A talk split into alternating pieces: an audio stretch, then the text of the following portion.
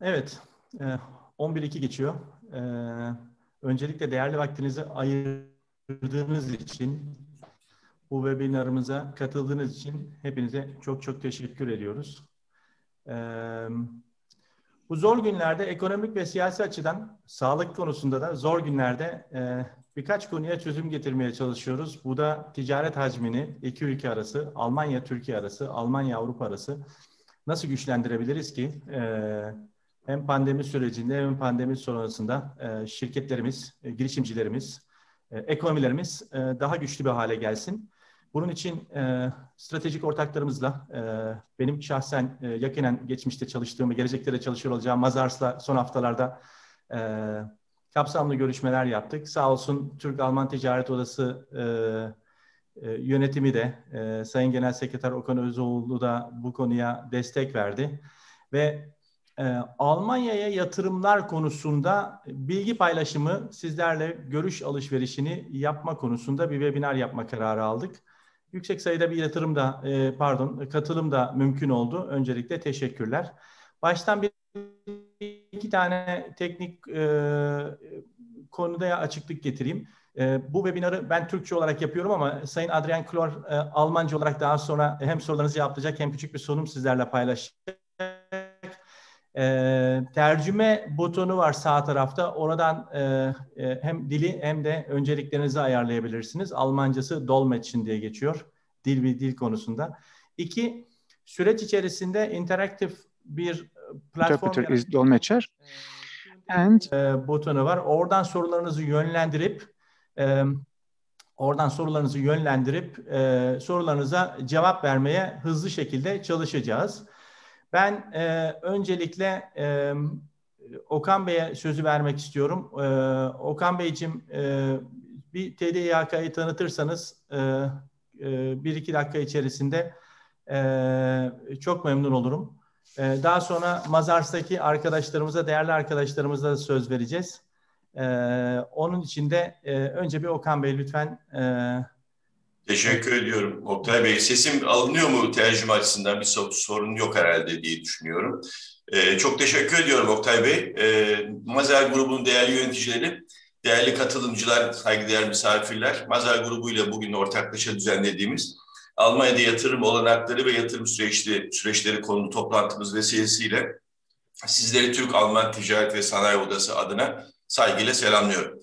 Sizlere e, çok fazla detay vermek istemiyorum ama kısaca bizim hakkımızda bilgi vermek istiyorum. Aslında bir sürü detayı, birçok detayı yatırımlar konusunda e, çok değerli konuşmacılarımız e, ve katılımcılarımız sizlere ana anlatacaklar.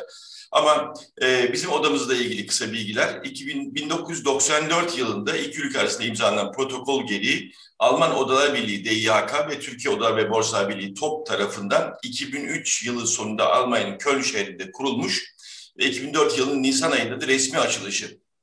O dönemin e, Türkiye Başbakanı, Türkiye Cumhuriyeti Başbakanı Sayın Erdoğan ve Almanya Başbakanı Sayın Schröder'le e, ortaklaşa açılan bir odayız. E, bildiğiniz üzere Almanya Türkiye'nin en büyük ticari partneri.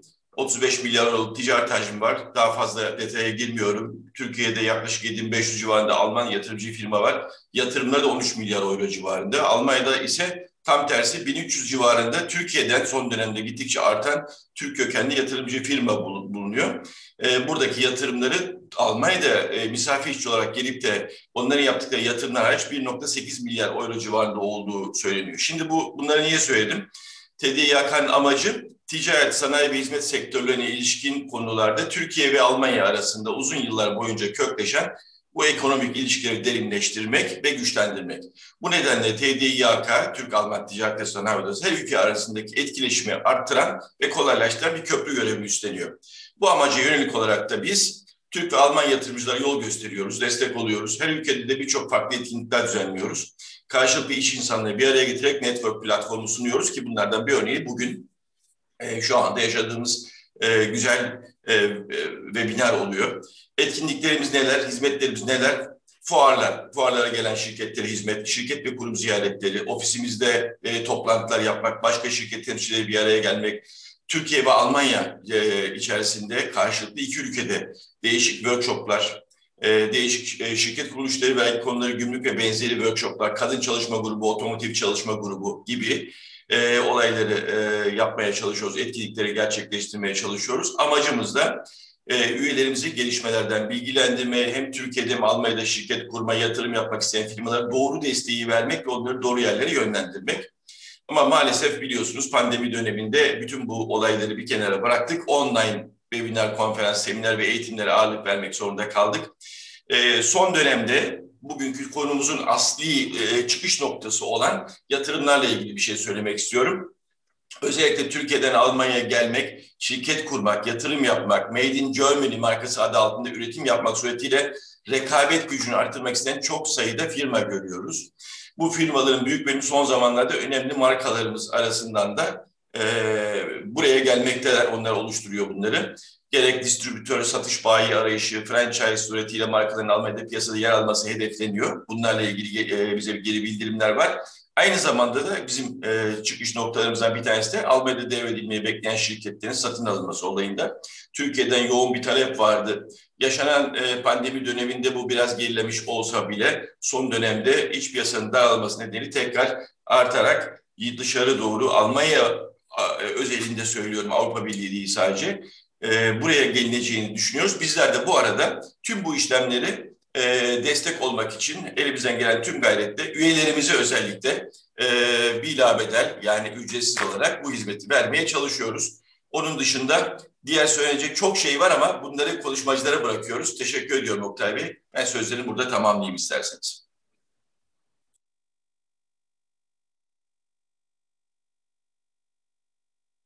Sesiniz gelmiyor. Kapalı. Çok teşekkür ediyorum Okan Beyciğim. Ee, e, ticaret adımızı tanıttığınız, ticaret ve sanat adımı tanıttığınız için. Ee, çok haklısınız. E, Türkiye ve Almanya, özellikle Almanya Türkiye için çok çok önemli bir e, ticari partner. E, dediğiniz gibi 36 milyar dolarlık yıllık bir ticari hacim var. 7300'e yakın Alman şirketi var Türkiye'de. Türkiye'de ne kadar ekonomik ve siyasi çalkantılar da olmuş olsa bunların hiçbiri kapısını kapatıp ülkeden çıkmadı. E, şimdi bir konuya daha değineyim. 1300 tane Türkiye'den yatırımcı geldi dediniz. Kurumsal yatırımcılar geldi dediniz. Doğrudur. Ama Almanya'daki göçmenler olarak da takriben 140 bin girişimci var. Bunlar da 850 bin iş sahası hazırlamış durumda. Bunlar küçük işletmeden orta işletmeye, büyük işletmeye kadar her türlü yani gıda sektöründen tutun parakendeye kadar, turizme kadar hepsinin içerisinde var. Ama bunlarla kısıtlı kalmıyor. Türk kökenli girişimciler son zamanlarda dijital ortamlarda da özellikle Berlin merkezli olmak üzere milyar dolarlık değerler yaratabildikleri bir ekosistem buluyorlar Almanya'da e, finansmanın biraz önce söylendi Alman markası olması dolayı daha kolay kazanılabildiği, daha kolay alınabildiği, teknoloji altyapılarının düzgün oturduğu bir ortamda. Bu köprü fonksiyonunu yere getirdiğimizde Almanya'da dijital e, platformlarda da milyar dolarlık şirketler çıktı. Örneğin Türkiye'den üniversitesini bitirip e, Almanya'ya gelip e, sonra bir dijital şirket kuran Kaan Bey gibi Gorillas.com diye e, bir e, food delivery service diyoruz ona. Milyar dolarlık değerlendirmeyi yakaladı bir, bir buçuk yıl içerisinde. Veya Autoban Group, Hakan Koç gibi 8 küsür milyara borsaya açılan bir şirket yarattılar. Bunlar hep dijital ortamda. Yani çok klasik işleri düşünmemekle birlikte daha doğrusu göz ardı etmemekle birlikte yelpaze çok genişleri son dönemlerde. Bunlar için network'ümüzü açmaya hazırız. Ama çok daha fazla e, TDYK ne yapıyor anlatmadan e, isterseniz stratejik bu konudaki ortağımız Mazars'a e, dönelim.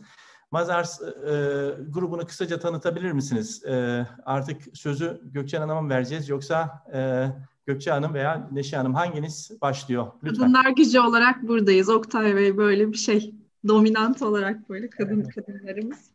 Ee, çok kısa isterseniz tanıtalım. E, Mazar Türkiye ve Almanya olarak aslında biz bugün buradayız. E, Mazar e, 90'dan fazla ülkede faaliyet gösteren uluslararası bir kurum.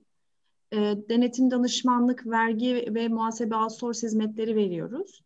E, hazır yeri gelmişken ben çok kısa kendimden de bahsettiğim sonra arkadaşlarımla devam ederler. E, ben e, Mazar Türkiye'de finansal özel inceleme hizmetleri ortağıyım e, danışmanlık departmanının bir parçasıdır, bir bölümüdür. E, sizlerle burada olmaktan dolayı çok mutluyum. Biz zaten hem Oktay Bey'le hem dostluğumuz var e, hem e, böyle bir projelerde birlikte çalışma fırsatı bulduk. Bu vesileyle de e, odamızın da e, desteğiyle çok güzel bir e, keyifli bir sohbet yapacağımıza inanıyorum. Şimdiden herkesin vakti için teşekkür ederim. Çok teşekkür ederim. Evet, ben isterseniz devam edebilirim. Ee, ben de kurumsal finans partneriyim. Ee, Mazar Türkiye 40 yılı aşkın süredir faaliyet gösteren bu alanlarda bir şirket. Ee, bizim danışmanlık bölümümüz yaklaşık bir 10 yıllık.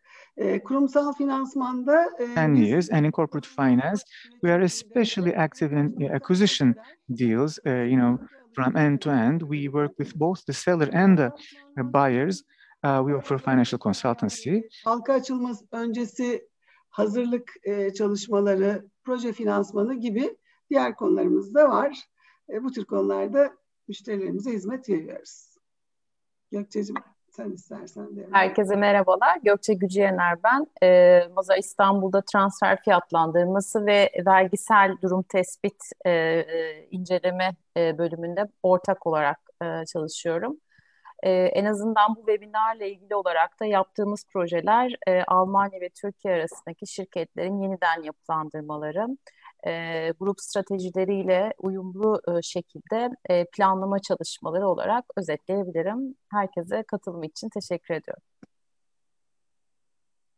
Evet, isterseniz beyefendilere de geçelim. Özellikle Almanya ofisine. Ee, orada Türk kökenli bir arkadaşımız var. Genç, daha sonra deneyimli, e, güçlü bir e, vergi uzmanımız var. E, Cihat Bey isterseniz kendisini kısaca bir tanıtsın. Daha sonra Adrian Bey'e söz verelim. Çok sağ olun Bey. E, ben Cihat Özkan. E, Almanya, Mazar Almanya, Frankfurt ofisinde çalışıyorum vergi danışmanı olarak. E, ve aynı zamanda da Mazar Almanya'nın Türk masasında bunu sürekli geliştirme ve Türk yatırımcılarına hizmet sunmak için elimizde gelen her şeyi yapıyoruz. Katılımcılara çok teşekkür ederim. Çok sağ olun. Adrian, möchtest du weitermachen mit der kurzen Vorstellung? Ja, okay. Um, yeah, my name is Adrian. I'm a German tax partner based in Berlin.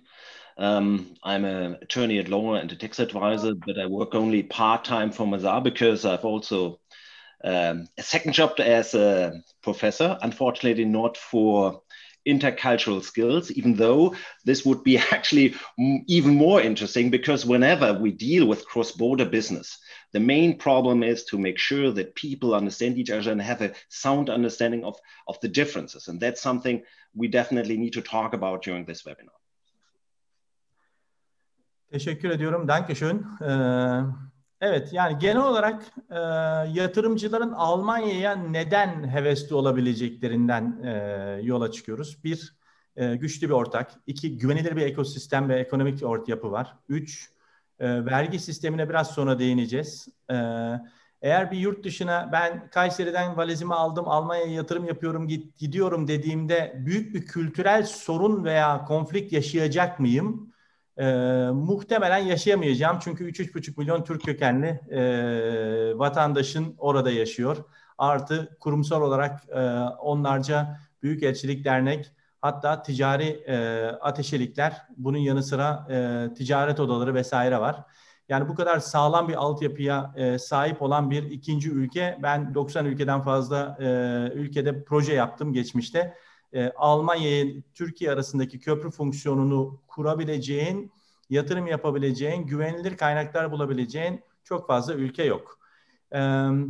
Sıfırdan şirket kurulabiliyor. Evet, büyük kurumlar, kuruluşlar geliyor, sıfırdan şirket kuruyorlar. İki, şirket satın alabiliyorsun. Ee, bunun fizibilitesi var mı yok mu biraz sonra onlara da değineceğiz. Ama çok önemli bir nokta var. Almanya'da bir jenerasyon sıkıntısı yaşanıyor.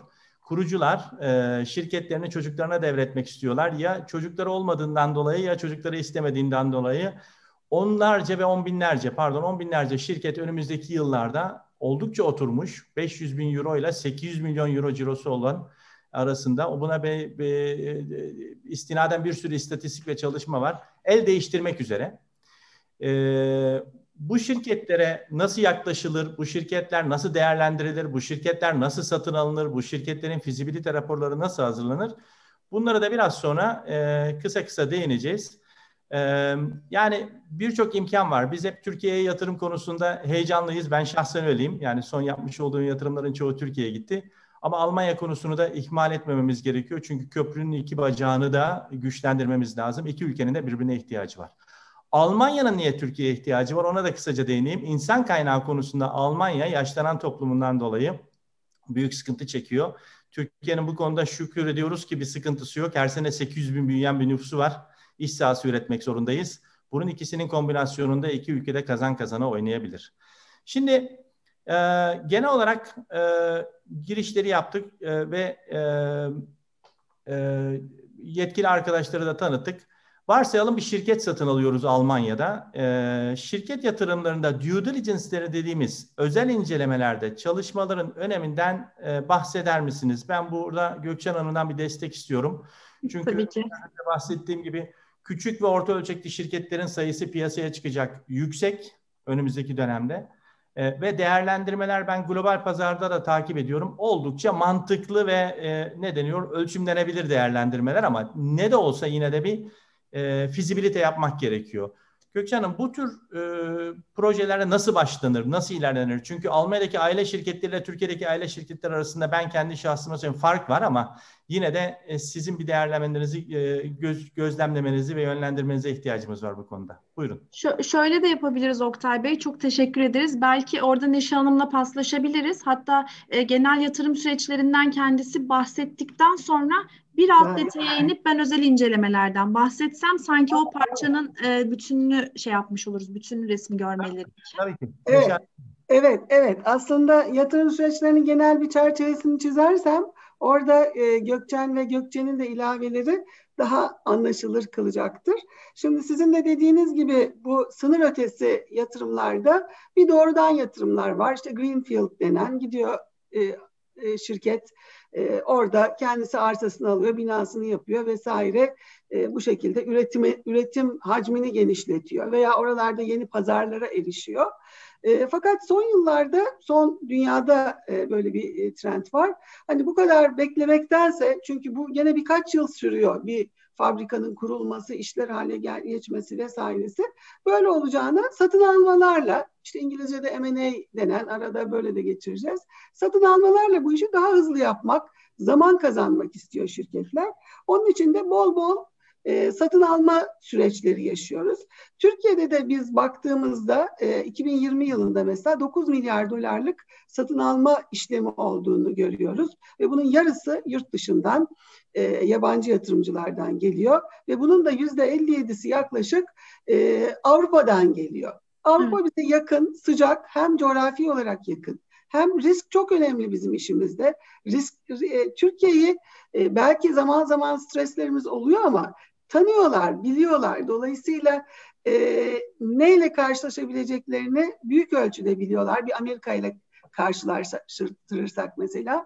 O nedenle genellikle bizim gördüğümüz hep işte Avrupa'dan Türkiye'ye bir akım ama şimdi son yıllarda Oktay Bey'in de dediği gibi Türkiye'den de artık bir akım olmaya başladı. Ben bunun biraz şeyle de bağlantısını kuruyorum. Şirketler de biraz daha sermaye birikimi açısından e, zenginleştiler, e, yatırım yapabilir hale geldiler. İşte global dünyanın dijitalleşmenin vesairenin getirdiği katkılarla bunlar da başladı. Şimdi bizim asıl alanımız bu greenfield olanlar yani doğrudan yatırımlar değil. Biz daha çok hizmet verdiğimiz şey inorganik büyüme dediğimiz e, şirketlerin gidip başka bir ülkede şirket alıp büyümesi. Bu yatırım süreci nasıl gelişiyor? Bunlar şöyle gelişiyor.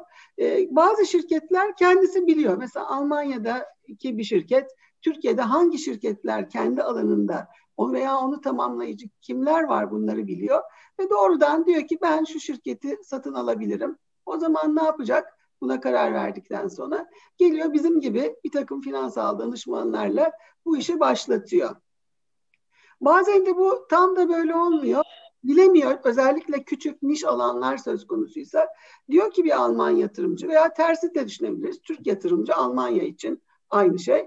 Ya benim bu alanımda şu konuda kimler var bana çıkarır mısınız? O zaman biz gene kurumsal finans ekibi olarak çalışıyoruz. Diyoruz ki bak senin alanında bu bu bu şirketler var. Biz bunlarla temas kuruyoruz. Ee, bir satın alma sürecine yakınlar mı? Onu test ediyoruz. Eğer yakınlarsa o zaman süreç başlıyor. Süreç başladığı zaman ilk bir basit bilgilerle bir değerleme yapma, e, biraz riskleri anlama, kabaca bir nasıl bir değer olur gibi bir e, noktaya geliniyor. Ve orada alıcı e, firma bir şey veriyor, bir niyet mektubu veriyor. Bu niyet mektubunda işte yüzde şu kadarını sizin şirketinizin şu fiyata alırım diyor. Bazen şirketi satın alma değil bir aset alımı da söz konusu olabiliyor. Yani şirketin hisse senetlerini almak değil, o biznesi almak, o faaliyeti almak sadece. içindeki binayı, makinayı, müşteri portföyünü almak da söz konusu olabiliyor. Ama genelde şirket hissesi alma yönünde gelişiyor. E, karşı tarafta bunu kabul ettiği takdirde alıcı satıcı e, niyette anlaştıkları takdirde o zaman due diligence dediğimiz süreç başlıyor. Gökçe'nin, Gökçe'nin bizim ekipten e, hizmet verdikleri. E, bu aşamada işte bir finansal due diligence, finansal özel inceleme var. Bir e, vergi özel incelemesi var. Hukuk ince, özel incelemesi var. Ve hatta bir de teknik var. Eğer bir e, teknoloji, bir e, üretim, fabrika vesaire varsa teknik due diligence da yapılması gerekiyor.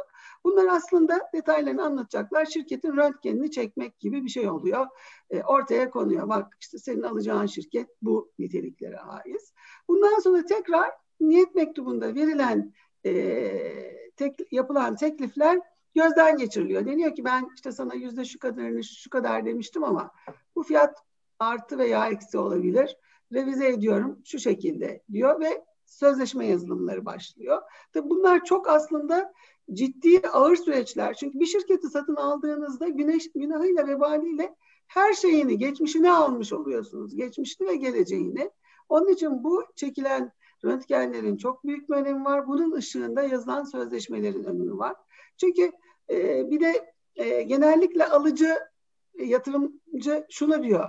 Ben bu şirketin yüzde yüzünü almayayım, yüzde yetmişini, seksenini alayım. Çünkü hani birinci gün ben ne yapacağım? Herkes gitti, ortaklar gitti.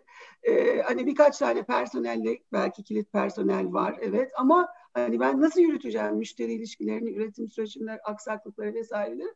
Bunun için genelde diyorlar ki yok ben yüzde yetmişini, seksenini alayım. Sen biraz içinde kal diyor satıcı e, olan e, firmanın ortaklarına ve onlar da kalıyorlar. Tabii kaldıkları zaman bu 3 sene 5 sene gibi bir sınırlı bir süre oluyor. Bu 3-5 sene sonra çıkışın da formüle edilmesi gerekiyor. E tamam geldiniz güzel girdiniz içeriye ama e, 3-5 sene sonra bütün ömür boyu da diyelim ki bir Alman firma bir Türk firmayı almış.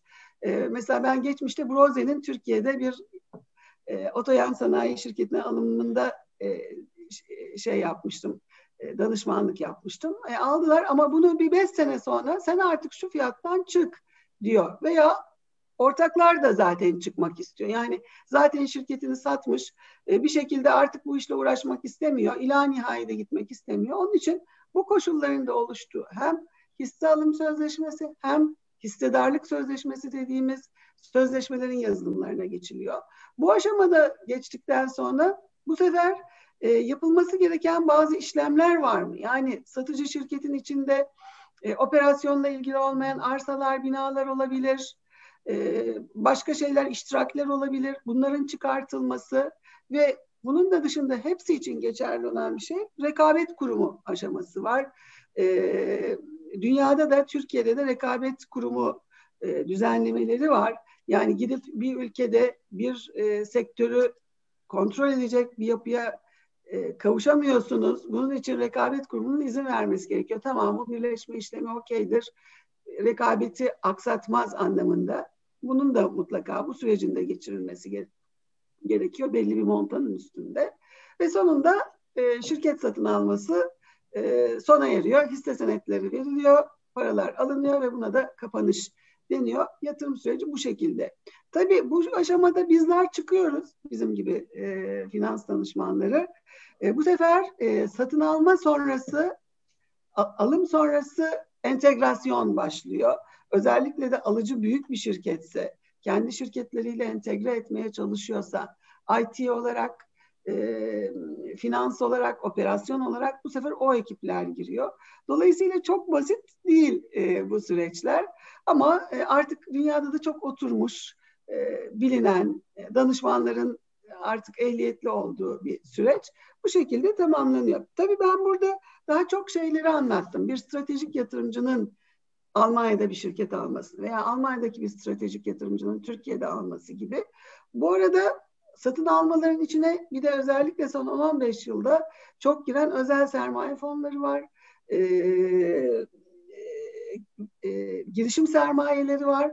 Bunlar da süreçte çok hız yaratan, hareket yaratan e, e, firmalar. Fakat tabii bunlar çok profesyonel oldukları için çoğu zaman bizden danışmanlık almıyorlar. Sadece due diligence'la bile yürütüyorlar. E, ama bunların e, genelde yatırım iklimine de şöyle yararları var. Bazen e, Türkiye'deki bir yatırımcı Avrupa'daki bir yatırımcıyı bulamazken bunlar Türkiye'deki yatırımcıya geliyor. 3-5 sene bir yatırım yapıyor. Orayı belirli bir toparlama yaptıktan sonra getiriyor Almanya'daki firmaya satabiliyor ve dolayısıyla e, bir köprü görevi de görüyorlar bu anlamda. E, evet yatırım iklimi için benim söyleyebileceklerim bu kadar. E, bir şeye size bir e, sizin demin anlattıklarınızın e, bir katkı vermek isterim. Bu hani benim hep kafamı kurcalıyor. Biz daha çok Avrupa'dan Türkiye'ye yatırıma yatkınız ama Türkiye'den Avrupa'ya yatırım kimler yapıyor, neler neler e, düşünüyorlar. Bizim gözlemlediğimiz teknoloji şirketleri aslında buna çok istekli. Çünkü e, Türkiye adıyla değil bir Avrupa adıyla çıkarsa e, buradan daha çabuk Avrupa Birliği ülkelerine, Amerika'ya ve diğer ülkelere daha iyi penetre edebileceklerini düşünüyorlar. Fakat bunlar da genellikle küçük şirketler oluyor. Bu şirketler Avrupa'dakilerle nasıl meç edecek, nasıl birleşecekler? Bunlar bir e, gerçekten e, sizin gibi kurumların da TDİHK gibi, gibi destek vermesi gereken veya Mazar Almanya'nın denetim şirketlerinin orada destek vermesi gereken konular. Bir diğer konuda ben markaya çok önem veriyorum. Marka konusunda Avrupa'da çok iyi markalar olduğunu düşünüyorum bilinen. Dolayısıyla bir sürü yerde kapıyı açabilecek. E, ve burada da e, örneğim de LC 2 aslında. LC 2 88 yılında Fransızların kurduğu bir şirket ama 10 sene sonra Türkiye gidiyor. Türk bir yatırımcı bunu alıyor ve aldıktan sonra da bu isimle pazarda Türk pazarında bu isimle çok güzel tutunuyor. Çok enteresan. Ama arkasından bütün Avrupa'ya, bütün işte Rusya'ya, Kuzey Afrika'ya vesaireye her tarafa yayılabiliyor ve şu anda Türkiye'nin bir numaralı perakendecisi haline geliyor. Dolayısıyla böyle çok markalar olabilir Almanya'da. Oktay Bey'sin dediğiniz gibi de ikinci jenerasyon artık istemiyor. Biz uğraşmayacağız dedikleri ama bu markayla Türk firmalarının yürüyebileceği, satın alabileceği e, diye düşünüyorum. İnşallah bunlara aracılık ederiz gelecek dönemlerde. Neşe Hanım çok teşekkür ediyorum e, açıklamalar için. E, Gökçen Hanım'a e, sözü vermeden iki konunun altını çizeyim. Bir, dediniz ki yani yurt dışına açılıp yatılma, yatırım yapmak isteyen şirketlere biz pazar araştırması da yapıyoruz. Daha doğrusu target company'de buluyoruz dediniz. Evet. Çünkü o perspektifi de sunmak önemli. Bunun için örneğin Almanya'da database'ler var. Yani e, jenerasyon değişeceği zaman e, handover yapılacak şirketlerin listelendiği database'ler var. E, buna arkadaşlarımız kendileri de ulaşabilir. Burada bu e, linkleri daha sonra paylaşabiliriz arzu isteyen, arzu eden arkadaşlara. Sektörel bazda değişiyor. E, ama e, her şirket ben her kurucu şirketimi satacağım demiyor tabii ki. Evet. Bunlarla iletişime geçip onların da ilgisini çekmek gerekiyor. İkinci önemli konu da network ve know-how. Ee, bir şirket satın alıyorum dediğinizde de özellikle bir yabancı ülkeye gidiyorsanız özellikle bu şirketin müşterisi, elemanları, e, altyapısı, kurumsal bağlantılarını ayakta tutmak istiyorsanız e, genelde bir e, majority dediğimiz yüzde elli e, vesaire alıp kurucu içeride bırakıp bir earn-out mekanizmasıyla veya daha sonra satın almayla ilerlemekte çok çok büyük faydaları var. Buna Alman kurucuların birçoğu çok yakın. Çünkü kolay kolay işlerini teslim etmek istemedikleri için bir earn-out ve delay transfer konusunda yakınlar. Yani kültürel olarak Almanları irite eden bir konu değil. Tamamen tam tersi. Yani e, çok sağlam ve ayakları yere basan bir şekilde şirket devralmak mümkün Almanya'da. Gökçen Hanım siz... E, size... Aslında ben bunu duyduğuma memnun oldum. Çünkü mesela bizim Türk yatırımcısı earn-out'a çok yatkın değil. Earn-out is burnout. Hoşlanmıyor o ileriye evet. itilmesini. Evet. Alman yatırımcısının yatkın olması bence çok çok iyi bir haber. Oraya oraya bir cümle söyleyeyim. Türk yatırımcıları neden earnout'a yakın değil? Çünkü beklentideki geleceğin beklentilerini çok yüksek yükseltip de değerlemeleri milyarlara çıkarıp ondan sonra o değerleri bulamadıkları için baştan şey yapmış. Almanya'daki şirket değerlemeleri yani sektörden sektöre değişiyor ama biraz önce de değindim. Oldukça ayağı yere basan değerlendirme. EBITDA çarpan 5, 6, 7. Yani fizibilitesi oturabilecek, altyapısı oturmuş, raporlama sistemleri oturmuş şirketler. Ee, yani earnout'a o tür şirketlerin yaklaşmalı ihtimalleri yüksek. Ama hayal satıyorsanız earnout'a girmezsiniz. Yani konuyu burada kapatayım. Şimdi ben Gökçen Hanım'a e, lafı vereyim. Gökçen Hanım buyurun. Sizde sıra. Sizde bir e, özel nedir? Evet. Evet bir ondan e, şöyle oluyor aslında hani sağ olsun Neşe Hanım çok güzel özetledi yani çerçeveyi çizdi yatırım süreci için ama öyle şeyler oluyor ki hani belki burada şu an bizi dinleyenlerin bir kısmı bu süreçlerin içerisinden geçti, tecrübe etti özel inceleme, due diligence süreçlerini. Bir kısmı da belki daha önce hiç duymadı, hiç tecrübe etmedi. Dolayısıyla ben çok kısa ne olduğundan bahsetmek istiyorum. Böyle bir yatırım sürecine girdiğiniz zaman e, bir vesileyle e, bir alıcı ya da satıcıyla e, masaya oturduğunuz zaman diyelim bir dediği gibi Neşe Hanım'ın bir rakamda bir tutarda mutabık kaldınız en başında. Bir değerde şirketin hissesinin değeri için olsun. Daha sonra diyor ki e, genel de alıcı taraf Türkiye özelinde çok fazla biz yapıyoruz ama çok da karşılaşmıyoruz. Satıcı taraf e, due diligence çalışması yani şirket hissesini e, satmak isteyen taraf genelde çok fazla yaptırmıyor Türkiye'de. Ama son zamanlarda yani 2020 sonu 2021 başında birazcık o sayının ben arttığını görüyorum. Normalde genelde bu due diligence çalışmasını şirket hissesini alacak olan e, taraf yaptırmak istiyor. Bu vesileyle bize geliyorlar. Ne yapıyoruz biz bu çalışmalarda?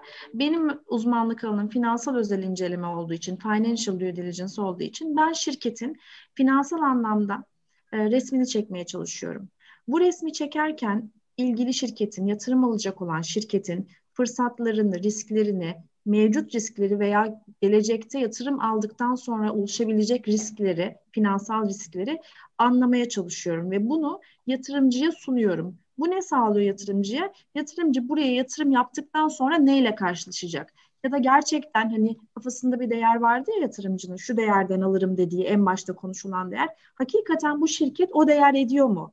Yani onun e, oluşturduğu matematikle bizim danışmanlar olarak bulduğumuz matematik birbiriyle örtüşüyor mu? Ya da bir fırsat var, daha önce belki karşılaşmadı. Ya da şirketin kendine has bir uygulaması var. Sektörel bir uygulama olabilir, muhasebesel bir uygulama olabilir. Bunları sonuçta içeriye girmeden, yatırım yapmadan ya da o şirketin bir parçası olmadan bilemezsiniz.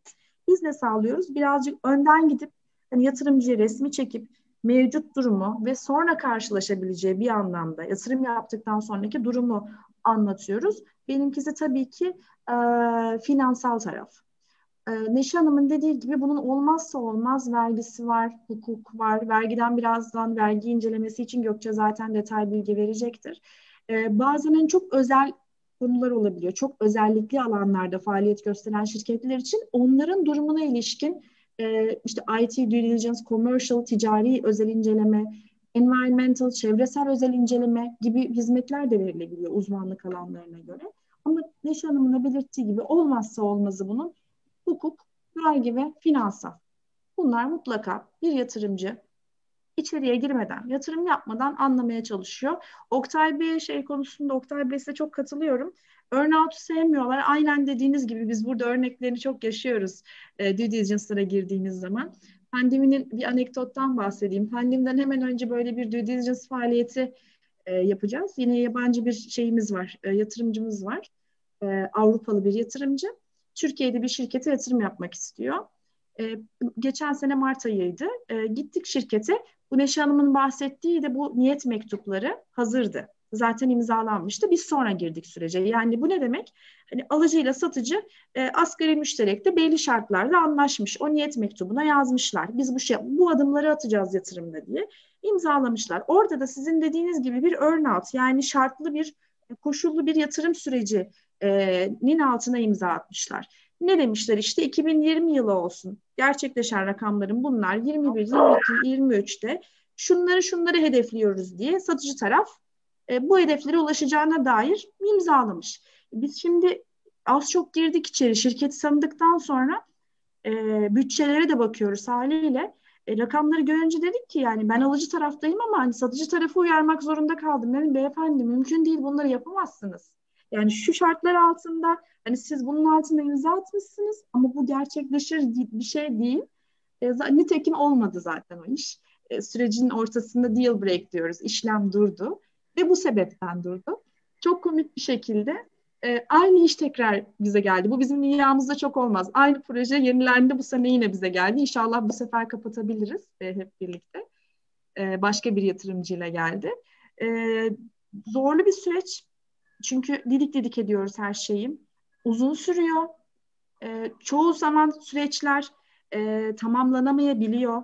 Burada çıkan aksaklıklar vesilesiyle ya da işte beklenmeyen e, süreçte beklenmeyen olaylar vesilesiyle biz e, Oktay Bey'le de çalıştık hep birlikte bu tarz süreçlerde. Zor ama keyifli. Bir şirketi anlamak istiyorsanız Almanya'da da olsanız, Türkiye'de de olsanız hiç fark etmez. Mutlaka gerekli. E, Türkiye'den Almanya'ya yatırım yapıyor olmanız hani Almanya'daki şirketler tahmin ediyorum Oktay Bey daha iyi bilir ama belki daha yapısal olarak daha iyidir. E, finansal anlamda daha oturmuş, e, daha düzenli belli noktalarda şirketler olabilir ama her ne olursa olsun bu çalışmaları yapmadan siz e, neyi aldığınızı bilemezsiniz. Neticede çok farklı dünya, yani aynı ama farklı dünyalardan geliyoruz finansal anlamda. Dolayısıyla bu çalışmalar oldukça önemli. Belki Gökçe, e, Oktay Bey vergisel özel incelemeden e, birazcık bahsetse e, faydalı olur diye düşünüyorum. Tabii. Tabii. E, yani şöyle aslında vergisel özel incelemeden belki biraz daha kapsamlı bakmak lazım. Bir sonraki konumuza da e, birleştirebilirim e, ya da daha sonra birleştirebilirim. Çünkü e, özellikle Almanya'ya yatırımdan bahsediyorsak olaya sadece vergisel özel inceleme diye bakmak da biraz kısıtlı oluyor. Çünkü e, şu an son 10 yılda dünyada e, ciddi anlamda çok köklü değişiklikler oldu. Dolayısıyla vergisel ve e, şirket e, yapılanmaları açısından e, aslında Türkiye'deki yatırımcı sadece bunu e, ürün yani bir commodity olarak bakmak çok doğru değil. Yönetim birimi olarak ya da e, şirket yapılandırmaları olarak e, Avrupa'da belirli ülkeler e, zaten çok e, kullanılan mekanizmalardı. İşte Lüksemburg gibi, İsviçre gibi. Ama e, rüzgar tabii ki artık bu şekilde esmiyor dünyada. Yani şirket e, yatırım yapmak istediğinizde, holdingleşmeye gitmek istediğinizde, işleri biraz daha e, kompleks hale getirmek istediğinizde artık vergi işin tam kalbinde. Burada özellikle e, Almanya'da Avrupa Birliği'nin kendi içinde zaten bazı direktifleri var. Bunu birazdan Adrian zaten e, bu işin üstadı olarak da çok daha bize güzel açıklayacaktır. Ama artık kısaca yatırımcının Türk olması, e, yani bu kimliklerden bağımsız olarak belli bir standarda global olarak gidiliyor. Dolayısıyla gittiğiniz ülkenin e, artık vergi kanunlarını bilmeniz tabii ki çok önemli ama belirli standartlara e, uymamanız halindeki e, cezai yaptırımları kesinlikle bilmeniz lazım.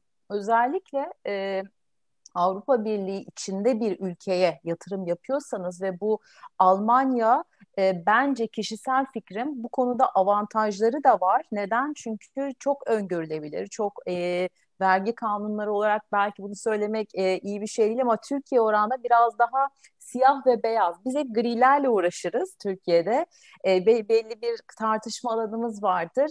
E, ama Almanya daha bu anlamda öngörülebilirdir vergi kanunları. Ama e, şöyle dezavantaj demek istemiyorum ama bu kuralların çok açık ve net olması bunlara uyulmadığı takdirde de tabii ki beraberinde belli durumları getiriyor.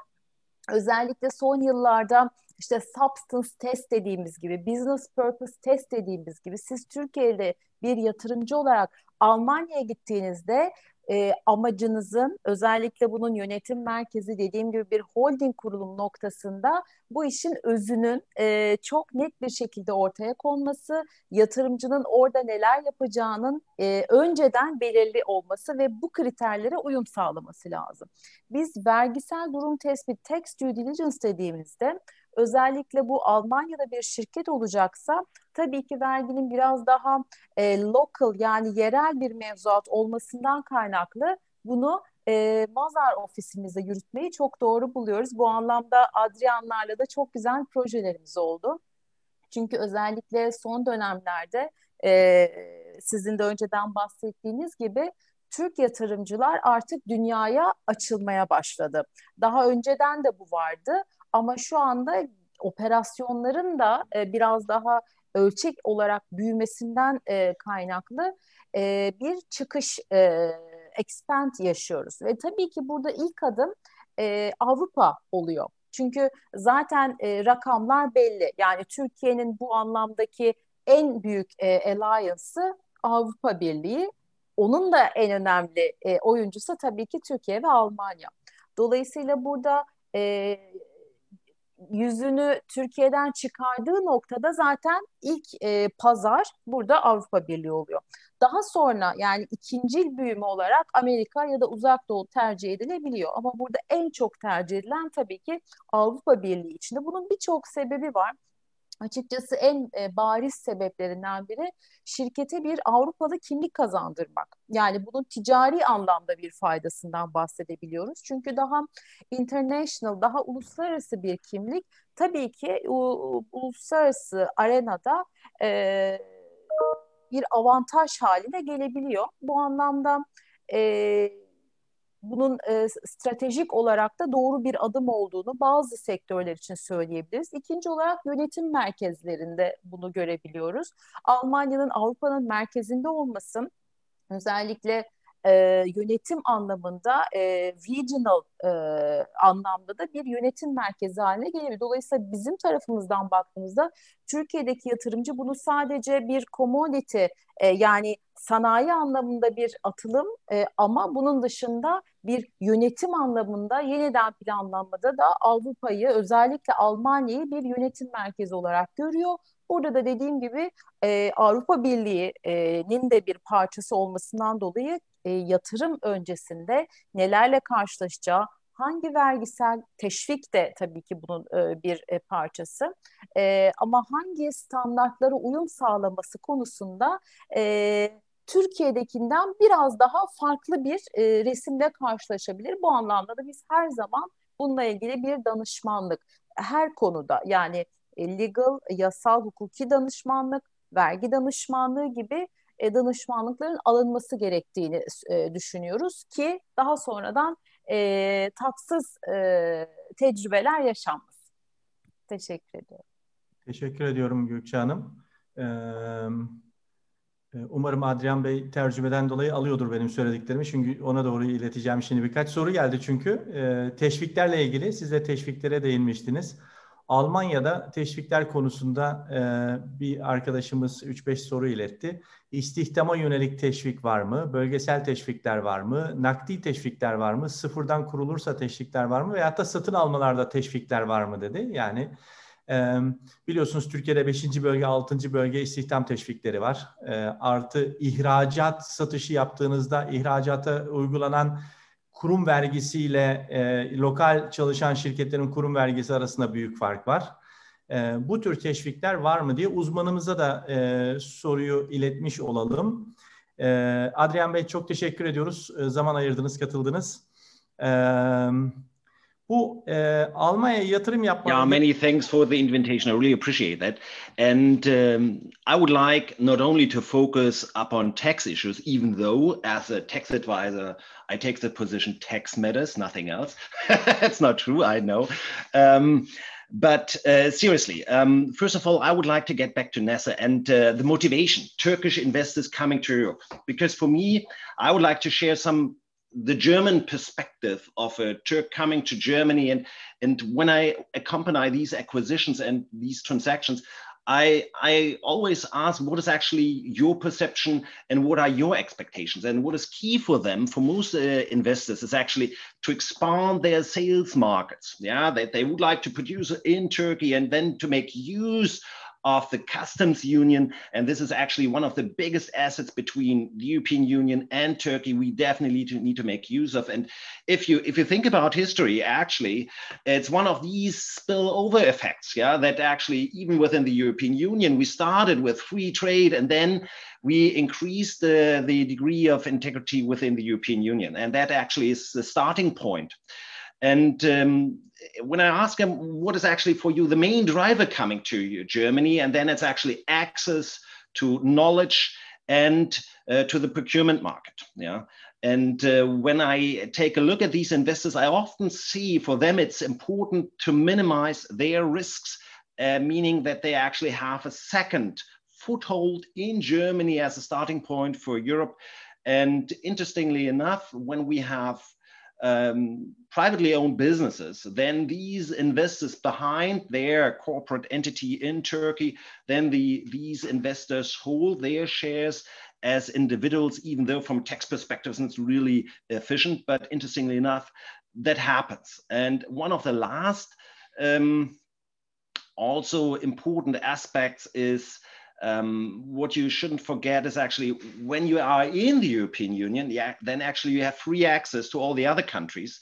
And um, that is for many really important. Yeah, that's my perspective as far as the, the motivation is concerned. And then if we talk, uh, take a look at the investment process, and that's what you were talking about, Gökçe, then um, my impression is the Turkish investor is really eager, yeah, motivated to act, yeah, and that's the reason why the market research, when I take a look at the transaction we've been accompanying in the past, takes about an average of three months, I would say, and that's also the perception of my um, of my colleagues uh, when I ask them what are actually the particularities uh, when when Turkish investors come to to Germany. But interestingly enough, they rely up, only upon a few advisors, and sometimes um, this may happen that. Um, there is, as everybody knows, also a Turkish community in Germany, so everybody knows each other, and this sometimes it can be a big advantage, but also it may in some occasions lead to conflict of interest because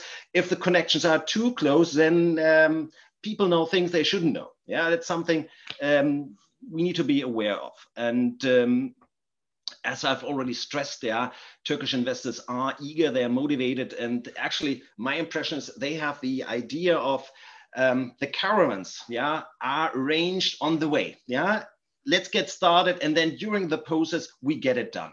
And this of course can be an advantage but in some cases uh, if they are pushing too much could also be a disadvantage. That's just an amendment to the previous uh, statements. Yeah. And then uh, maybe maybe you have some some different uh, experience you would like to share because that would be interesting to, to hear about it but generally speaking, e, genel konuştuğumuzda Almanya'da herhangi bir teşvik var mı? E, yatırım teşviği özellikle Doğu Almanya'da e, bölgesel olarak var mı? İstihdam olarak var mı? İş yaratılmak için var mı? Türkiye'de çok popüler bunlar çünkü. Uh, hmm. uh, okay, you're totally right. In the past, uh, we also had numerous tax incentives for investments in Eastern Germany. But to be honest, there are in Germany so many subsidies, preferential loans. Actually, everybody is welcome. If somebody would like to make an investment, there are always ways to, to get it done. So I wouldn't be too much concerned about it. Um, what we see, um, you've mentioned it, German tax law is extremely complicated. Yeah. And as a, as a scholar, I would say, let's get rid of all these incentives in the tax system. However, we still have quite a few. That means that we have, uh, in some cases, you can depreciate assets faster than in other cases. But actually, that's for me not the key issue. For me, the key issue is somebody comes, yeah, he would like to need to have some sort of assistance as far as funding is concerned. That means um, cheap loans and that there are some some additional subsidies he he or she doesn't have to pay back. Actually, that is key, and these uh, these uh, means are available. Yeah, that's actually um, the investments are facilitated. Belki belki ben kendi perspektifimden açıklama getireyim. Bir Türk yatırımcı istihdam yarattım diye teşvik alıyor muyum diyor da Türkiye'de bölgesel olarak istihdamların gitmesi için teşvik verilmek mecburiyetinde. Yoksa insanlar Elazığ'a, e, Van'a vesaire yatırımdan kaçınıp daha fazla Antalya, İzmir, İstanbul çevresinde kalıyor. Almanya'da öyle bir durum yok. Almanya'nın ekonomisi e, tek büyük bir şehire veya üç şehire fokus olmuş bir durum yok. Federal sistemden dolayı ekonomik altyapı e, tüm eyaletlere dağılmış yapıda. En büyük ikinci e, şeyde e, Türkiye'de nüfus artıp işsizlik arttığı sürece istihdam yaratmak mecburiyetinde ülke, devlet ve işverenler. Almanya'da ise 2019 yılında 2020 rakamlarını daha görmedim. 1.3 milyon kronik olarak açık olan pozisyon vardı.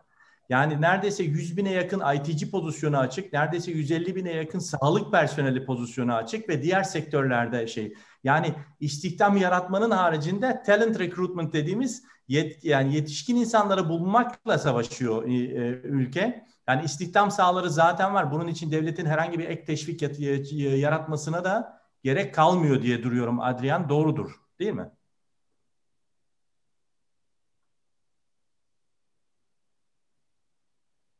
Yep, yep. And uh, maybe maybe we shift to the uh, to the statement of uh, Gökçe as far as um, uh, taxation is concerned. Actually, I do not want to talk only about taxes because that would be boring. Yeah. Interesting and important, yeah. Interesting and important for the investors are that they are, even though we see that there is a sort of um, tendency that we see that Turkish legislation and German or European legislation are adapting, at least to some extent. There are still particularities you need to keep into take into consideration. I'll give you a very interesting example. If you think about setting up a private limited, yeah, in German we would say GmbH. Then, if you take a look at the Turkish equivalent, um, then my, as far as I'm informed, um, the shareholders are liable for public charges and taxes. That doesn't happen in Germany. Yeah? In Germany, only the managing director could be subject to sort of liability in specific cases. And that means we always need to take a look at the particularities, and uh, there are still some. Yeah, think about um, what is important for investments. Yeah, if you have um, VAT issues. Yeah, in Germany, it's totally clear that you get a refund within a certain period of time. You don't have to wait for ages. Yeah, even though in other European countries it happens as well. Yeah, think about Italy. Yeah, and but in Germany, it's clear you get it within a certain period of time, and um, Germans are also, or let's put this way, the German fiscal authorities are in some cases also more lenient than their Turkish counterparts, yeah, as far as certain deadlines are concerned. Yeah, that's what we see currently. I still haven't submitted my tax return for 2019. Yeah, it's incredible. Yeah, but that's fine. That's totally in line with German law because we say, please focus on your work. Don't waste your time with tax issues. Yeah, and that's in some respect that's different. However, uh, in some other areas, you need to think about, for example, we have touched employment issues. Yeah, I don't know whether you're aware of it. In Germany, if there's if you've set up a business and you have 10 employees, you can't just fire them. Yeah, and this is you have a certain limitation, and uh, and that's something that's that's why I I really believe it's important to have good advice on board that you don't make mistakes. Um, unintentionally. That's uh, maybe some of the, the main issues you need to be aware of. You need good advisors, and um, then actually it shouldn't be really a problem to succeed. Ben burada bir soru sorabilir miyim Oktay Bey? Aslında bu soru size de olabilir Adriana da. Biz e, şöyle de e, dönüşler, ya sorular almaya başladık. Aslında yatırımcı Türkiye'de e, ama aslında yatırımları Türkiye'de değil. Mesela İngiltere'de ama bu Brexit'ten dolayı İngiltere'deki e, avantajlarını kaybettiği için bunu başka bir Avrupa ülkesine taşımak istiyor. E, burada da aslında e, ilk alternatif hep Almanya. E, dolayısıyla belki Türkiye'den doğrudan bir investment değil, İngiltere'den doğrudan hmm. investment ama aslında arkasına baktığınızda orada yine bir Türk yatırımcıyı görebilirsiniz. Bu rüzgar da bence e, en azından üçümüz olarak baktığımızda doğru kullanılırsa burada da ben ciddi bir e, potansiyel görüyorum. Sizin taraftan hissedilen böyle bir artış var mı acaba? Ben şahsi olarak söyleyeyim ya bana e, son bir senede belki bir tane böyle bir e, yaklaşım geldi. E, Brexit'ten dolayı Almanya'ya yatırım yapacağız. Oktay Bey yönlendirme yapabilir misiniz diye ama çok büyük bir volüm değil bu benim e, gördüğüm. Ancak e, İngiltere'nin çıkmasından dolayı özellikle finans sektöründe, özellikle danışmanlık sektöründe, özellikle sigorta sektöründe ve birçok alanda da Almanya'nın tabii ki footprint'i artacağını e, öngörüyoruz. E, bu açıdan da e, doğru yönlendirmelerle e, muhtemelen e, Almanya epey bir yatırım sırf Türk kökenli değil de e, hatta İngiliz kökenlilerin bile Almanya'ya adım attığını, Alman pasaportu almak için sıraya girdiklerini biliyoruz. Bu bir realite yani Brexit'in bir realitesi. Bu Almanya'nın elini daha da fazla güçlendiriyor. Şimdi Eylül'deki seçime bakacağız. Seçimde kim kazanacak, nasıl kazanacak, ekonomik paket ne olacak? Ee, çok ilginç görüşmeler yapılıyor şu anda. Ee, başbakan adayı bile daha belli değil e, Hristiyan Demokrat Parti'nin. E, o açıdan e, ekonomik paketlere e, bakacağız. Baktıktan sonra muhtemelen Almanya sırf Türkiye'den değil de yani haklı bir talep var oraya gitmekte. İngiltere'den de birçok e, talebi alacaktır. Ama sayısının yüksek olmadığını ben hissediyorum. Bilmiyorum Adrian Bey'e gelen daha fazla şey var mı Brexit'ten dolayı? Muhtemelen vardır.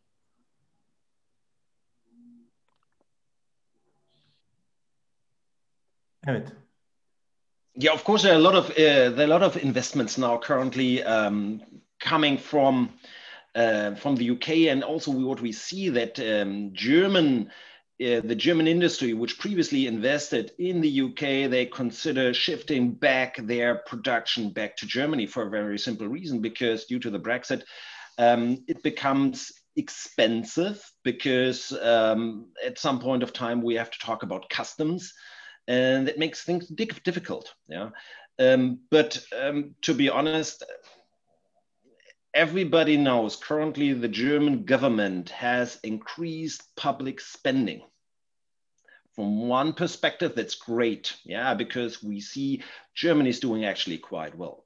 But at the end of the day, and everybody needs to be aware of it, um, at some point of time you have to pay for it yeah and so everybody's a little bit concerned to be quite honest um, that um, taxes need to be increased but my perception is that as far as the industry is concerned that means corporate taxpayers tax burden is still will remain low yeah because in germany we have about 30% 15% corporate income tax. And whenever I get inquiries from my colleagues abroad and they ask me, Adrian, what is actually a corporate income tax rate? And they say 15%. They're totally surprised. And the next moment I tell them, ah, there's an additional tax, the trade tax. That's a local tax. another 15%. they have to pay on top. So they end up with 30. yeah.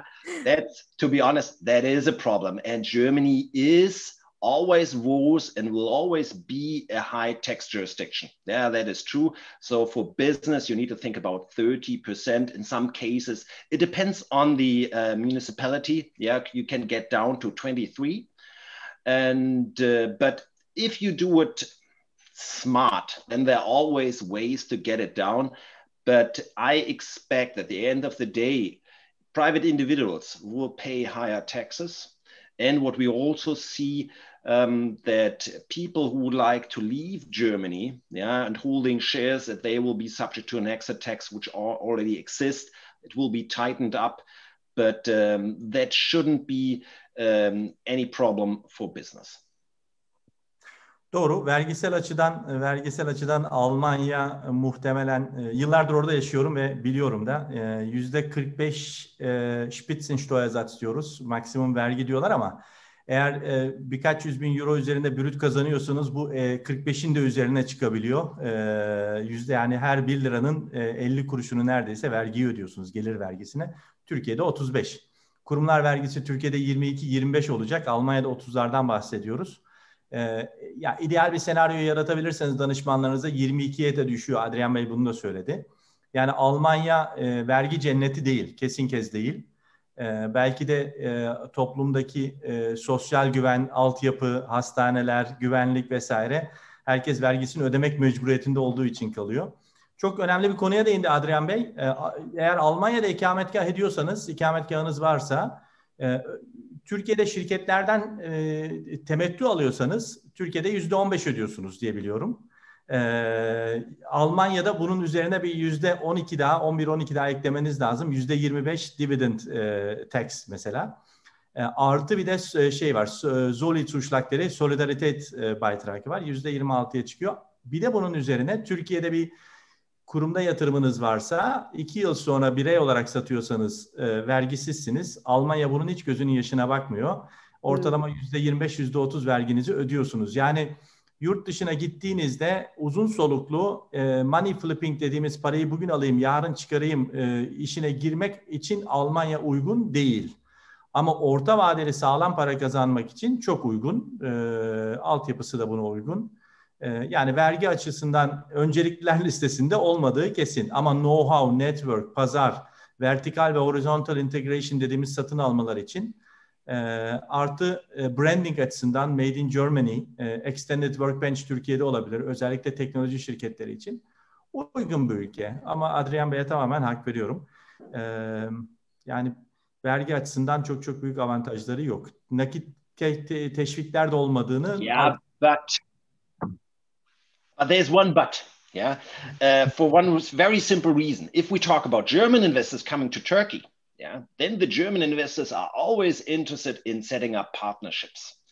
Because when we talk about partnerships, then the Germans say that's great because if we have a permanent establishment, then the income can be tax exempt in Germany because that is one of the main issues everybody needs to be aware of. And that's, I think, for, for me, it's one of the key aspects why German investments abroad are so successful because Germany grants, as one of the few countries, the exemption method.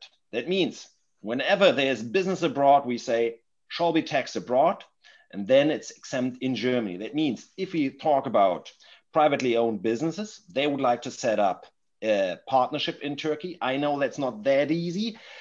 Or if we talk about big corporate entities, for them, yeah, it's no big problem because they are also fine with corporate entities in Turkey because then they get a dividend payment and the dividend in Germany is tax exempt. Then we would only talk about the withholding tax in Germany, in, in Turkey. Yeah, these are the main difference. So we have a lot of privately owned businesses, and that's what we call in German Mittelstand. And then, and this is important for, for Turks to understand Mittelstand counts in Germany. Of course, we have the big tickets like the, the, the big industries uh, in the German stock market, but also the, um, the small and medium sized business that is key for Germany's success.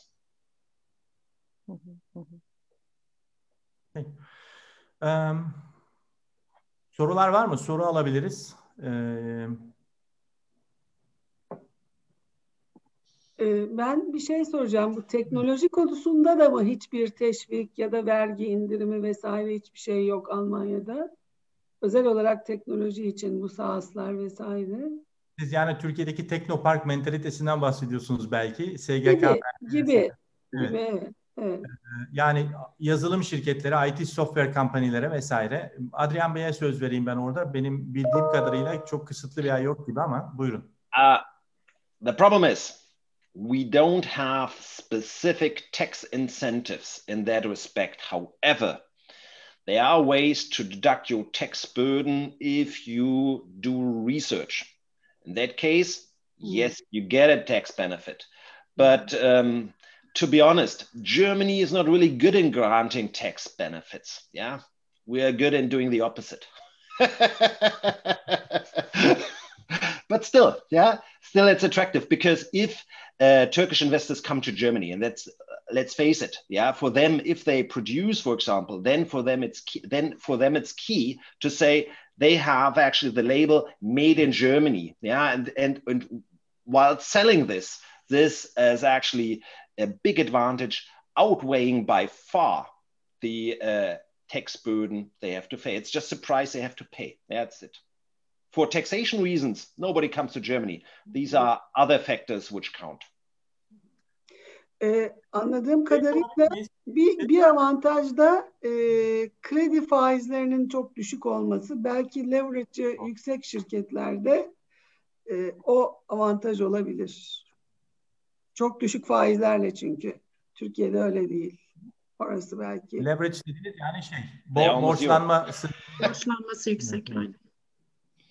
Evet. Bir soru var yani Oktay. Şeyde, örneğinde.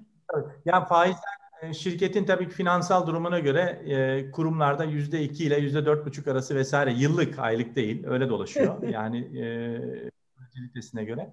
Euro'da e, karlılık oranınıza bağlı. E, zaten faizi vergiden de düşürebiliyorsunuz. Yani o açıdan bir sıkıntı yok. Soru geldi herhalde bir saniye.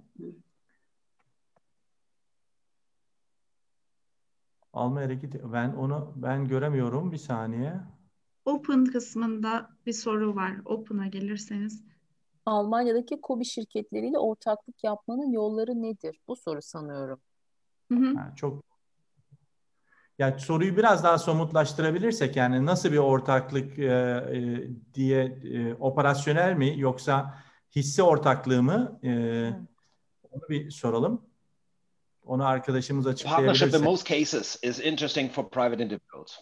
Yeah, that means if we have a Turkish investor coming to Germany, residing in Germany, and we talk about small and medium-sized business, and we say this person sets up a limited partnership and this investor becomes the limited partner and he or she interposes a corporate entity like a private limited as a general partner. And by doing so, you have, which is important from a business perspective, you have the protection as far as liability is concerned. And as far as the tax burden is concerned, you start with the regular income tax bracket. Yeah, you have the first 9,000 tax exempt, then it starts with 14% and then goes up to 45%. Yeah, after exceeding an income of about 270,000 euros. And uh, for many businesses, this is actually the best way to invest. However, this holds, of course, only true for small and medium-sized business, but that's the reason why you see quite often in Germany the so-called GmbH and Co. KG or the private limited as a general partner of a limited partnership. Yeah, it's a German particularity because from a tax perspective, it's quite efficient and uh, that's why we use it. Bu tür şirketlerde yine e, Avrupa Birliği içinde yine tanımlanan şirket yapıları değil mi Adrian?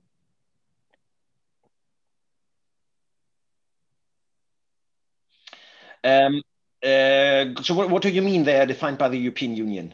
No, no. I mean, uh, what I'm trying to ask uh, whether those uh, structures. Uh, I think you are referring to KGAA structures. No, that is something very special. Yeah, you okay. are talking about a limited partnership by shares. Mm-hmm. And that would be quite interesting for bigger businesses um, because um, it has a lot of advantages. However, we need to be aware of the fact that limited uh, um, um partnerships limited by shares are not very common.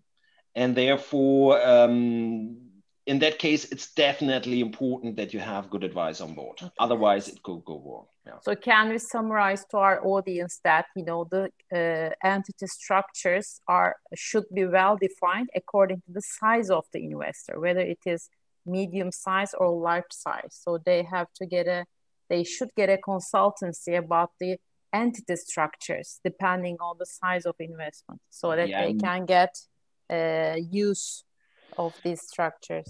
Yeah, of course, of course, and um, it depends.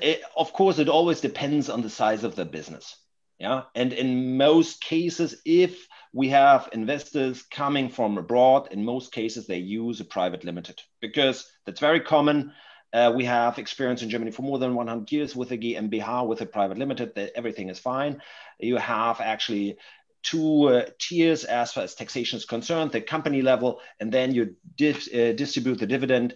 And then uh, it's actually up to you in Turkey what actually happens in Turkey if we have a Turkish um, corporation receiving dividends. They are tax exempt, or what happens, or are they taxable, the dividends?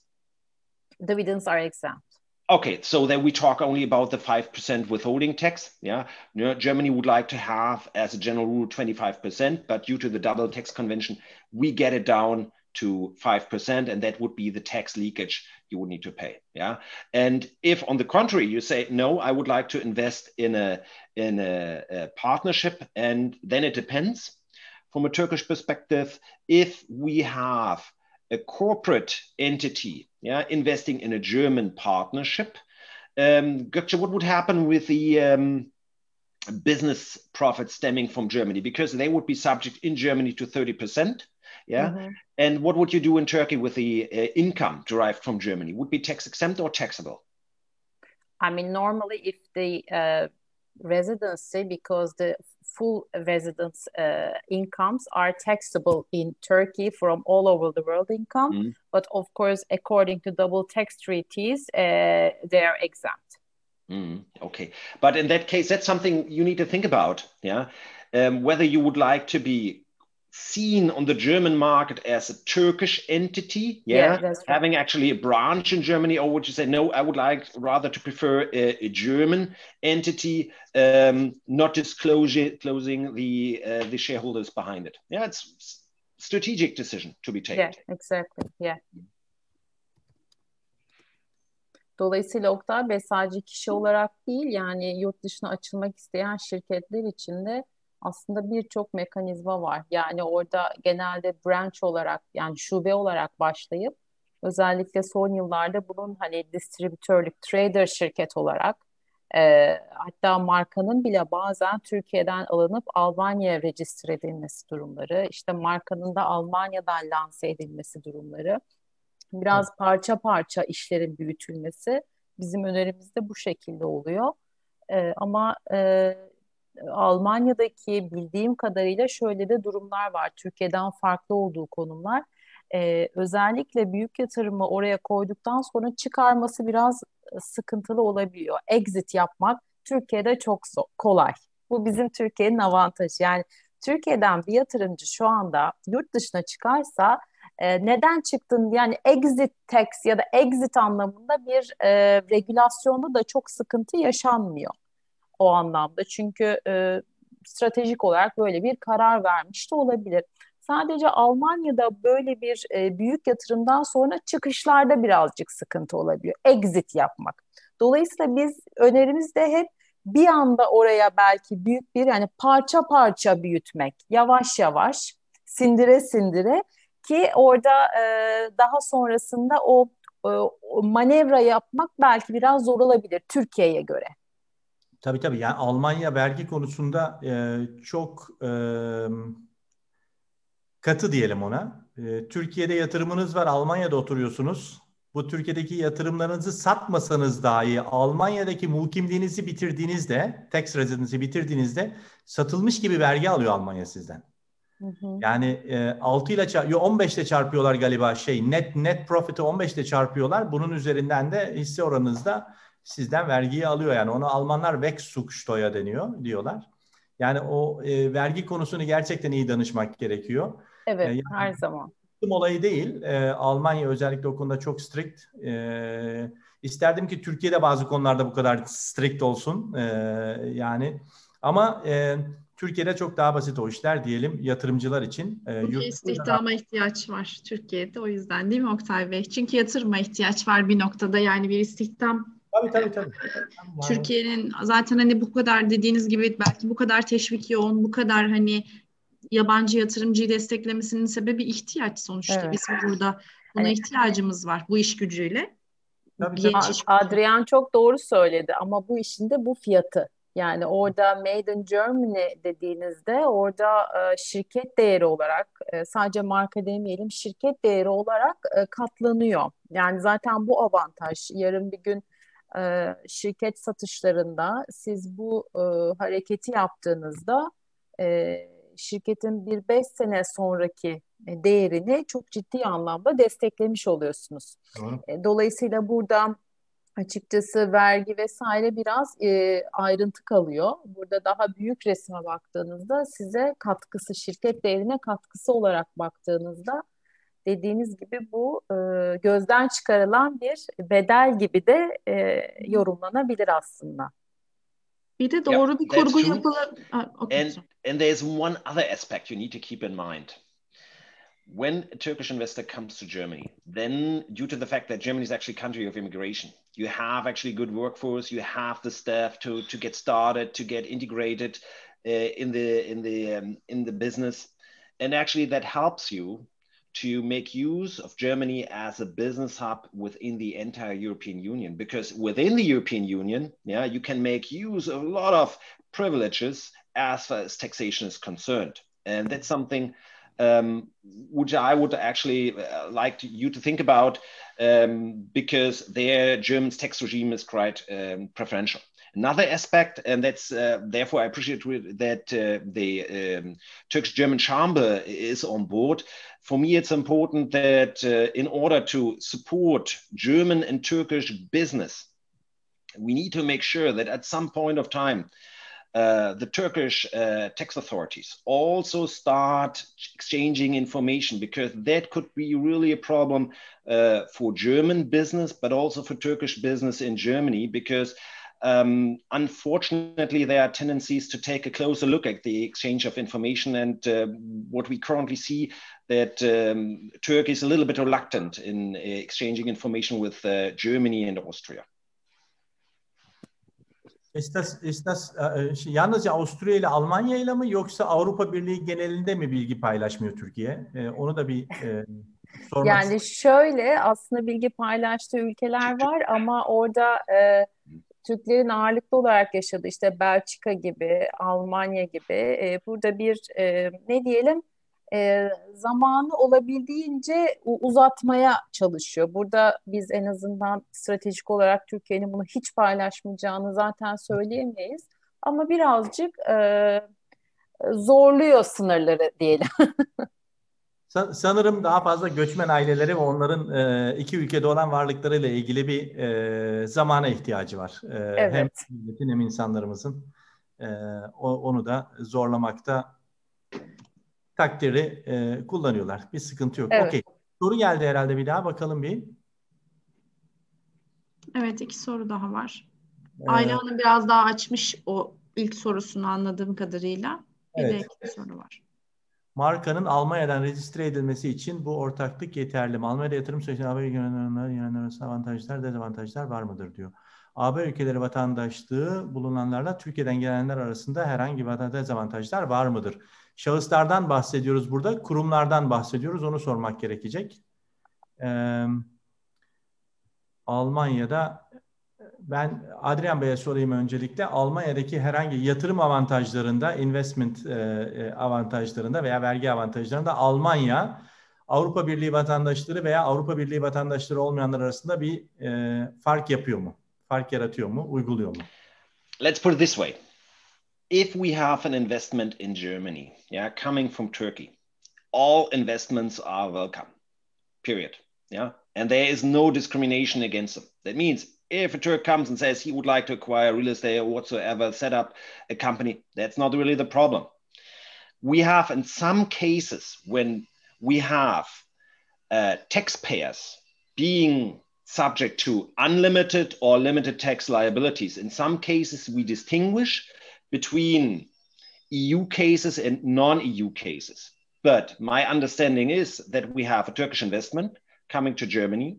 Yeah, they set up Uh, um, uh, company, and regardless of whether it is a partnership or a capital company, there are no major distinctions.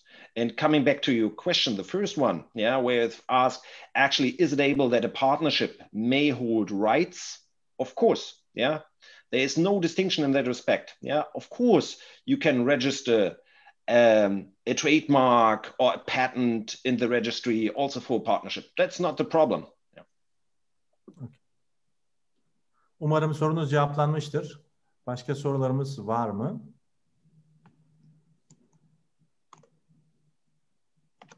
Ben bir şey eklemek istiyorum. Aslında hani teknoloji şirketlerinden bahsediyoruz ya Oktay Bey. Artık hani dünyada e, şirketinin e, e, bütün her zaman zaten bu birleşme satın alma süreçlerinde stratejik e, Gökçe'nin de dediği gibi büyük resme bakmak lazım. Eğer siz markanızın ya da işletmenizin Almanya'da kurulması ve Almanya'da büyüyeceğine inanıyorsanız, Alman e, markasının, Alman Made in Germany'nin size bir değer katacağına inanıyorsanız orada kurabilirsiniz. Bu demek değildir ki siz bütün hani bütün üretimi, bütün hizmeti Almanya sınırları içerisinde alacaksınız. Türkiye'den de belli avantajlar çünkü ülkemizde biliyorsunuz zaten hani e, biraz görece iş gücü daha uygun. Belli şeylerde daha fazla gelir gider yönetiminde yani sizin giderlerinizi, maliyetlerinizi Türkiye'den yönetiyor olmanız daha belki avantajlı.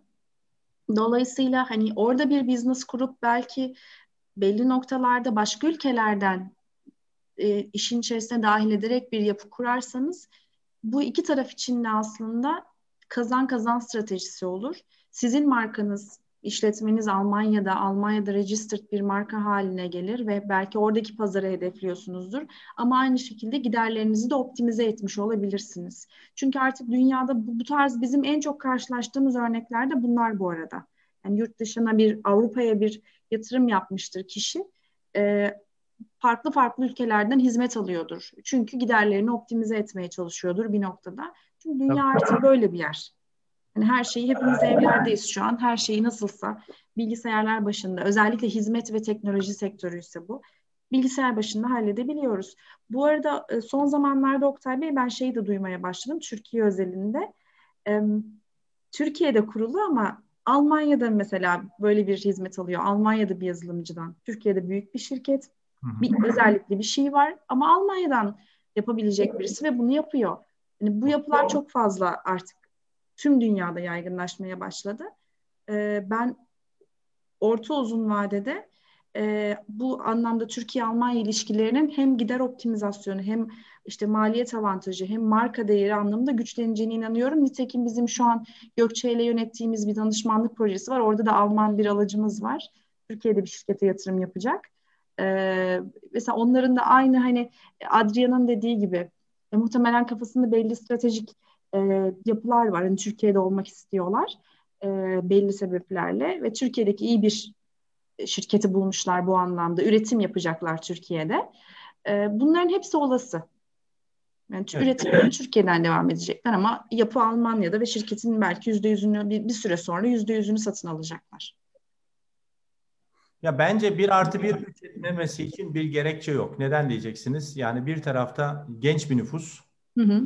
Ee, işsizliği kıyaslamaya hiç gerek yok. Almanya'da yüzde krizin ortasında bile yüzde dördün yüzde beşin e, dört beş arasında dolaşıyor. Türkiye'de maalesef bunun iki buçuk üç misli belki de daha yüksektir. Daha da yüksek Ee, artı 200'ün üzerinde üniversite var ülkede. Ee, burada yetişen epey kalifiye elemanlar var. Ee, bunlara istihdam getirmemek için bir gerekçe yok. Çünkü Almanya'da biraz önce bahsettiğim gibi yazılım konusu olsun, e, sağlık sektörü olsun, e, vesaire olsun birçok e, alanda kan ağlıyor ülke çünkü eleman bulamıyorlar. Demografik dezavantajı var çünkü yaşlanan bir toplum.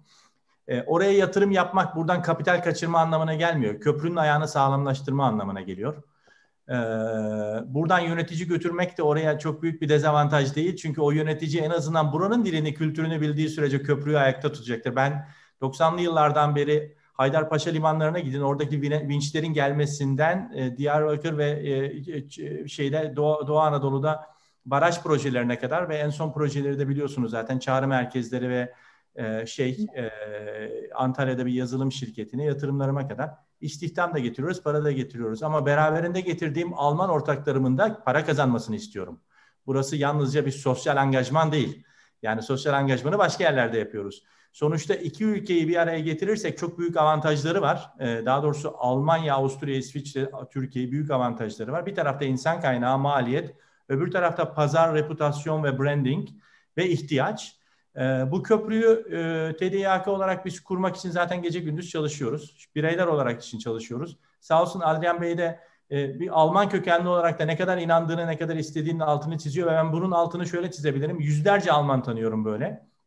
Yani bazen siyasette yaşanan soğuklukları biz güncel hayatta hissetmiyoruz. Tam aksine.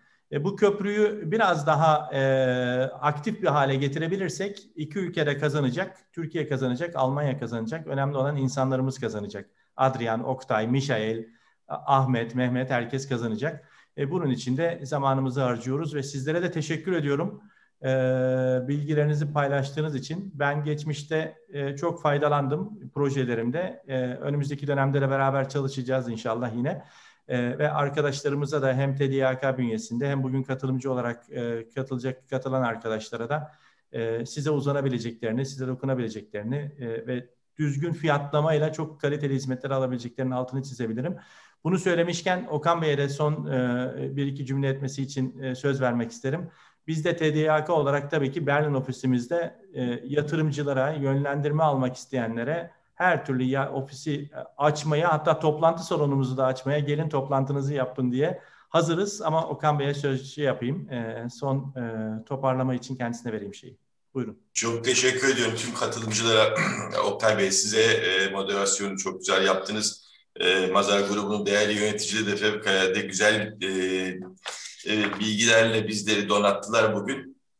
Bizler de bu işin aslında e, ilk başta bahsettiğim köprünün bir ayağı olarak ama köprünün iki tarafında gören bir ayak olarak her şeyi yaşıyoruz. Anlattığınız tüm işleri e, birlikte yaşıyoruz. Benim tabii burada bazı konularda bir takım şeyler söylemek istedim ama bugün değil bir sonraki daha sonraki toplantılarda tekrar bunları konuşabiliriz.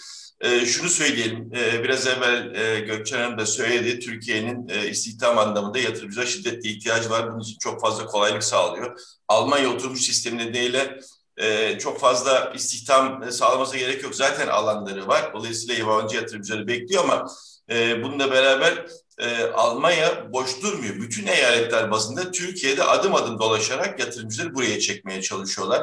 Kuzey Ren-Vesfalya Yatırım Ofisi bizim de üyemiz e, özellikle orası çok aktif olarak e, çalışıyor ve e, 2019 senesinde 73 yatırımcıyla Çin'in önünde birinci yatırımcı ülke Türkiye oldu o bölgede. E, 2020 sonuçlarını daha bilmiyorum. E, Hessen eyaleti, e, Bremen eyaletinin dünyada iki tane şeyi vardı. Benim bildiğim şimdi üçüncüsü olmuş olabilir belki içinde. Bir Amerika'da, Atlanta'da, ikincisi de İzmir'de ofisleri var. Yani Türkiye verilen önemi ifade etmeye çalışıyorum. Ve çok aktif çalışıyorlar. Türkiye'de reklam yapıyorlar. Türkiye'nin de aktif olması lazım. Cumhurbaşkanlığı Yatırım Ofisi bizim de üyemiz. Ee, onlar da Almanya'da en nihayetinde e, iki tane ofis açtılar. Bir Frankfurt'ta bir tane de Berlin'de. E, onlar da aktif olmaya çalıştılar ama e, bizim daha fazla yatırım çekmemiz gerekiyorsa Türkiye adına konuşuyorum. E, daha aktif bir saha e, çalışması gerekiyor. Almanların e, de bu alanda çalışmalarını e, büyük bir e, özenle yaptıklarını görüyoruz. İki ülke arasındaki yatırımlar devam edecek. Bizler buradayız.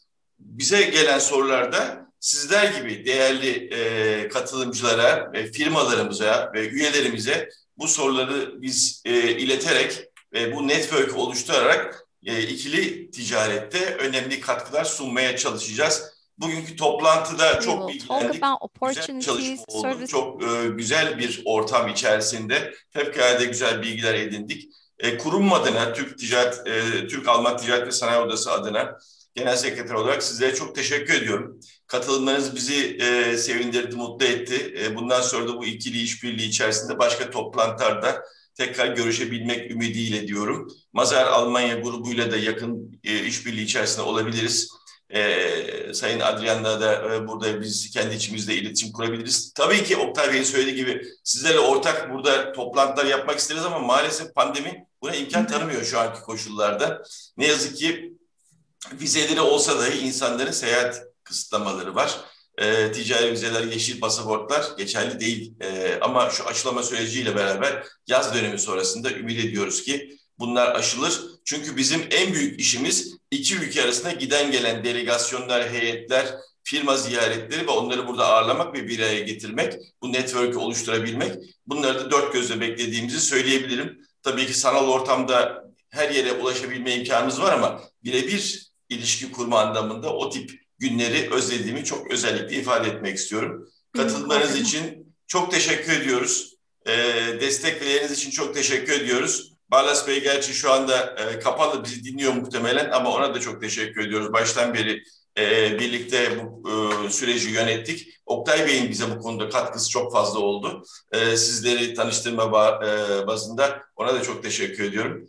Bundan sonraki toplantılarda görüşebilmek ümidiyle diyorum. Tüm katılımcılara teşekkür ediyorum. Sağlıklı günler diliyorum. E, Oktay Bey son sözü de siz e, kapanışı siz yapın isterseniz. Valla bir kişiye çok fazla söz vermedik. Ee, yaş itibariyle oğlum olabilir Cihat. Ee, o da e, umarım güzel bir proje çıkarırız Türkiye-Almanya arasında da. O da Türk kökenli Alman olarak, vergi uzmanı olarak e, bir gün İstanbul'da benimle birlikte bir balık e, yemeğinde bir araya gelebiliriz. Onlar çünkü ikinci nesil e, bizim için önemli. Onlar hem Alman yatırımcılara hem Türk yatırımcılara iki ülkenin bilgisi, kültürel bilgisi ve e, şeyiyle, donanımıyla e, yönlendirme yapacaklar. Hem gurur duyuyoruz kendileriyle hem de inşallah beraber çalışma fırsatını bir gün yakalayacağız. İki cümle etsin kendisi de e, ondan sonra bitireceğim. Çok sağ olun Oktay Bey. Sözünüzü aldım. ben de aldım. Bizde de bir sözümüz var. Haberiniz olsun. evet yani e, biz e, sonuç olarak burada e, şirketlere e, yani tabiri caizse havalandan tutup e, Almanya'ya geldiklerinde yardımcı olmaya çalışıyoruz her e, e, alanda. E, siz zaten gereken konulara değindiniz. Bunlar başlangıç süreçleri. O başlangıç süreçleri aşıldıktan sonra operasyonel anlamda da burada tabii e, e, Türk masasında da çok yetenekli e, e, Türk arkadaşlarımız var. Türk kökenli arkadaşlarımız var. Yani biz bunu bir ekip olarak sunuyoruz. Bir ekip olarak hem Türkçe hem Almanca e, dillerini kullanarak, İngilizceyi de kullanarak e, e, gereken desteği e, sağlamaya çalışıyoruz. Ondan dolayı e, tabii Adrian da aramızda olduğu için ben çok fazla e, e, araya girmek istemedim. E, hepinize çok çok teşekkür ederim. E, katılımcılara da çok teşekkür ederim. İnşallah en kısa zamanda e, yine buluşmak dileğiyle. Biz de çok teşekkür ediyoruz. E, misafirperverliğiniz için, ev sahipliğiniz için. Teşekkür çok teşekkürler. Teşekkür ediyoruz. Hanımefendiler teşekkürler. Herkese çok teşekkür ediyoruz. Sağlıcakla kalın. En kısa zamanda. Hoşçakalın. Bye bye. Görüşmek üzere.